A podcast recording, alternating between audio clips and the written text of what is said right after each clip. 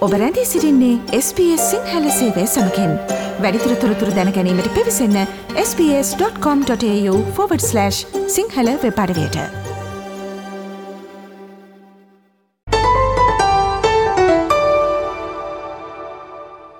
මැතිවරණයට දින කිහිපයක් ඉදිරිව තිබියදී මේ දිනවල මැතිවරණ වෙදිකම උණුසුම් කරන නවතම තොරතුරු අදත් මෙම මැතිවරණ කාලීන තොරතුරු විශේෂාන්ගෙන් ඔබ වෙත ගෙනීමට අප සූදානම්. පළමු නිවාස ගැනුම්කරුවන් සඳහා සුපෑනුවේෂන් භාවිතා කිරීමට දුන් ලිබරල් සන්ධානයේ මැතිවරණ පොරොන්දුවට විවිධ වූ ප්‍රතිචාර ලැබෙමින් පවතිනවා. ඒ අතර ඔස්ට්‍රලියාව එක්සත් රාජධානිය සහ එක්සත් ජනපදය අතර ආරක්ෂක ගිවිසුමක් වන ඕක සාරක්ෂක ගිවිසුම අත්සත් කිරීමට ප්‍රථම ප්‍රධාන පක්ෂ දෙකේම සහය ලබා ගන්නා ලෙස එක්සත් ජනපදය ඔස්ට්‍රලියාවට අවධාරණය කර තිබෙනවා. පාර්ලිමේන්තුවේ බලය සමතුලිත කිරීමට හෝ බහුතර බලයක් නොමැති පාර්ලිමේන්තුවක සාකච්ඡා කිරීමේ බලය තමන්ට හිමි වූහොත් ඒ සඳහා ඔවුන් භාවිතා කිරීමට බලාපොරොත්තු වන එකකතා ලැයිස්තුවක් ග්‍රීන්ස් පක්ෂය විසින් නිකුත් කර තිබෙනවා. ඉරිදා දිනේදී දියත් කළ ලිබරල් මැතිවරණ ප්‍රචාරක ව්‍යාපාරයේ මූලිකත්වය ගනු ලැබුවේ නිවාස පිළිබඳව ලිබරල් සන්ධානයේ ප්‍රතිපත්තියයි. ලිබරල් පක්ෂය කෙරෙහි වඩ වඩාත් කලකිරුණු තරුණ චන්දදායකයින්ට ආයචනා කිරීමේ උත්සාහයක් ලෙස ස්කොට් මොරිසන් විසින් පළමු නිවාස ගැනුම්කරුවන්ට නිවස් තැන්පතුවක් සඳහා අවශ්‍ය මුදල් ඔවුන්ගේ සුප ඇනුවේෂන් ගිනුම් වලින් ලබා ගැනීමට ඉඩ සලසන සැලැස්මක් නිවේදනය කරනු ලැබවා.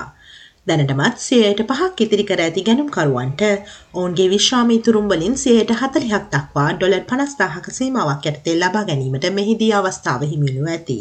මෙමගින් වැඩි පිරිසක් නිවාස වෙළඳ පොලට ඇතුළු වන විට නිවාසමිල වැඩිවනු ඇතැයි විචාරකයින් මෙම ප්‍රතිපත්තිය පිළිබඳ අනතුරු ඇඟවීමක් කරමින් පෙන්වා දෙනවා.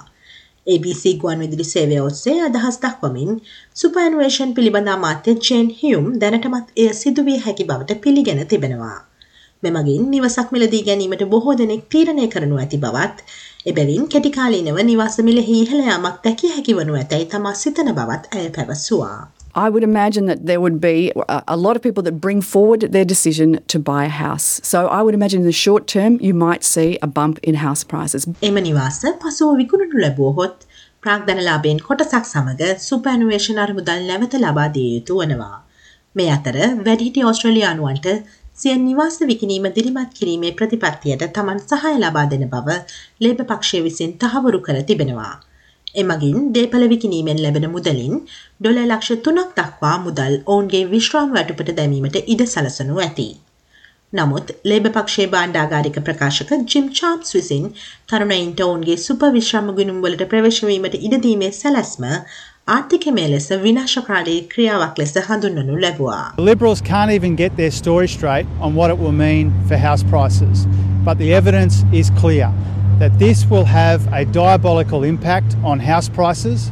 It will make it harder, not easier, for people to get into the housing market, and it will bulldoze people's super in the process.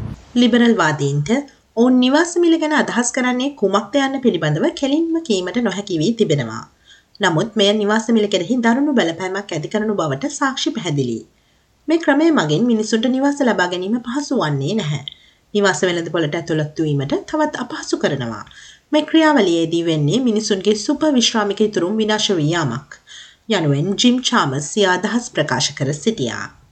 ඕකස් කිවිසුම අත්සන් කිරීමට පෙර ප්‍රධාන පක්ෂ දෙකේම සහය ලබා ගන්නා ලෙස එක්සත් ජනපදය ඔස්ට්‍රලියාවට අවධාරණය කළ වාටා සම්බන්ධයෙන් අගමැතිවරයාද විමර්ශනය කර තිබෙනවා. මෙම නිවේදනය පිළිබඳ ලේබ පක්ෂයට දැනුම් දී තිබුණේ එක් දිනකට පෙරාතුව පමණයි. ස්කොට් මොරිසන් විසින් ලේබ පක්ෂය විශ්වාස කළ නොහැකි බවත් එම වාර්තා අසත්‍ය බවත් පවසා තිබෙනවා. ඕක සැනු පෙරලිකාර ගිවිසුමක් වන අතර ඒ ඔස්ට්‍රලියාව වසර හැත්තෑවක් තුළ ඇතිකරගත් වැදගත්ම ආරක්ෂක ගිවිසුමයි. එම ගිවිසුම ලෙබ පක්ෂය මත අවධානමට ලක්කිරීමට තමා සූදානම් නැති බවත් එම වාර්තාව සම්පූර්ණයෙන්ම අසත්‍ය බවත් ස්කොට් මොරිසන් විසින් කියා සිටියා. AUKUS is a groundbreaking agreement, the most significant defence security agreement Australia has entered into in over 70 years. And I was not going to risk that on the Labor Party. That report is absolutely false. Um, we understood absolutely what the requirements were and we met them 100%. විපක්ෂනායක Anthony ඇල්පනීසි මෙයට එකග වූයේ නැහැ. මම හැමදාම ජාතික ආරක්ෂාව ගැන දැනුවත් කළ තිබෙනවා. මෙම අගමැතිතුමා හැමදාම කරන්නේ ජාතික අවශ්‍යතාවයට වඩා දේශපාලන අවශ්‍යතාවලට මුල් තැන දෙන එක. මම නොකරපු දේ තමයි වෙනත් රටවල නායකයන් අතර තනිවම පුද්ගලික කෙටිපණිවිඩු නිකුත් කරන එක. යනුවෙන් ඇන්තනි ඇල්බනීසි පවසා සිටියා. I have national security briefings all the time. What this Prime Minister always does is put his political interest first before the national interest. It's always about the politics. What I haven't done is ever release private text messages uh, between people, let alone between leaders of other countries. මෙවර ආණ්ඩුව ජයග්‍රහණය කරන්නේ කවුරුන් දැන තීරණය කළ හැකි පක්ෂය වන ග්‍රීන්ස් පක්ෂය බ්‍රිස්බේන් හිදී සිය මැතිවරණ ව්‍යාපාරය දියත් කර තිබෙනවා. එහිදී ඔවුන් විසින් පාර්ලිමේන්තුවේ බලය සමතුලිත කිරීමට හෝ බහුතර බලයක් නොමැති පාර්ලිමේන්තුවක සාකච්ඡා කිරීමේ බලය තමන්ට හිමිවහොත් ඒ සඳහා ඔවුන් භාවිතා කිරීමට බලාපොරොත්තු වන එකගතා ලයිස්තුවක් නිකුත් කර තිබෙනවා. එයට මෙඩිකයාවලට දන්ත සෞඛ්‍ය සහ මානසික සෞඛ්‍ය ඇතුළත් කිරීම නව ගල්ලංගුරු සහ ගෑෂ් නිෂ්පාදනාගාර ආරම්භ නොකිරීම දැරිය හැකි මිලකට නිවාස ඉදි කිරීම නොමිලේ ළමා රැකවරණය ශිෂ්‍යනාය කපා දැමීම ආදායම් ආධාර වැඩි කිරීම සහ උළුරු ප්‍රකාශය හදවතින්ම ඉදිරියට ගෙන යාම යන කරුණු ඇතුළත් වනවා. ග්‍රීන්ස් පක්ෂයේ නායක ඇඩම් බෑන්ඩ් ඔවුන් විසින් මෙම යෝජනා සඳහා වැෑවන විශාල පිරිවැය උපයාගන්නේ කෙසේදැයි විස්තර කරනු ලැබවා.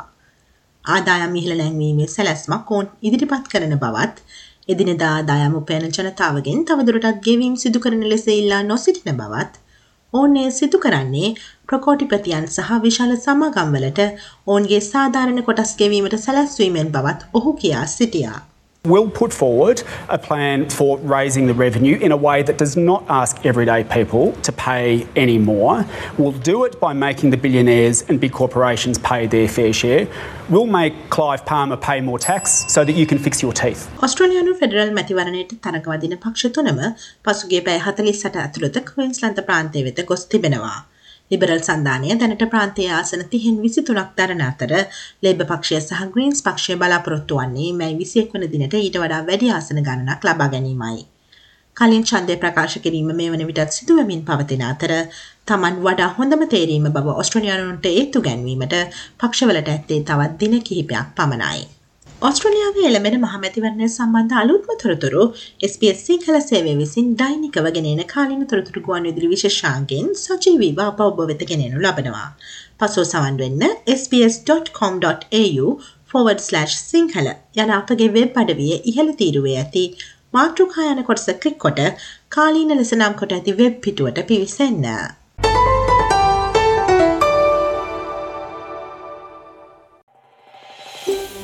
මේ වගේ තවත් තොරතුරු දැනගන්න කැමතිද. එහෙමනම් Apple podcast Google podcast Spotify ඔබගේ පොඩ්කාස්ට ලබාගන්න ඕනේම මාතයකින් අපට සවන්දය හැකේ.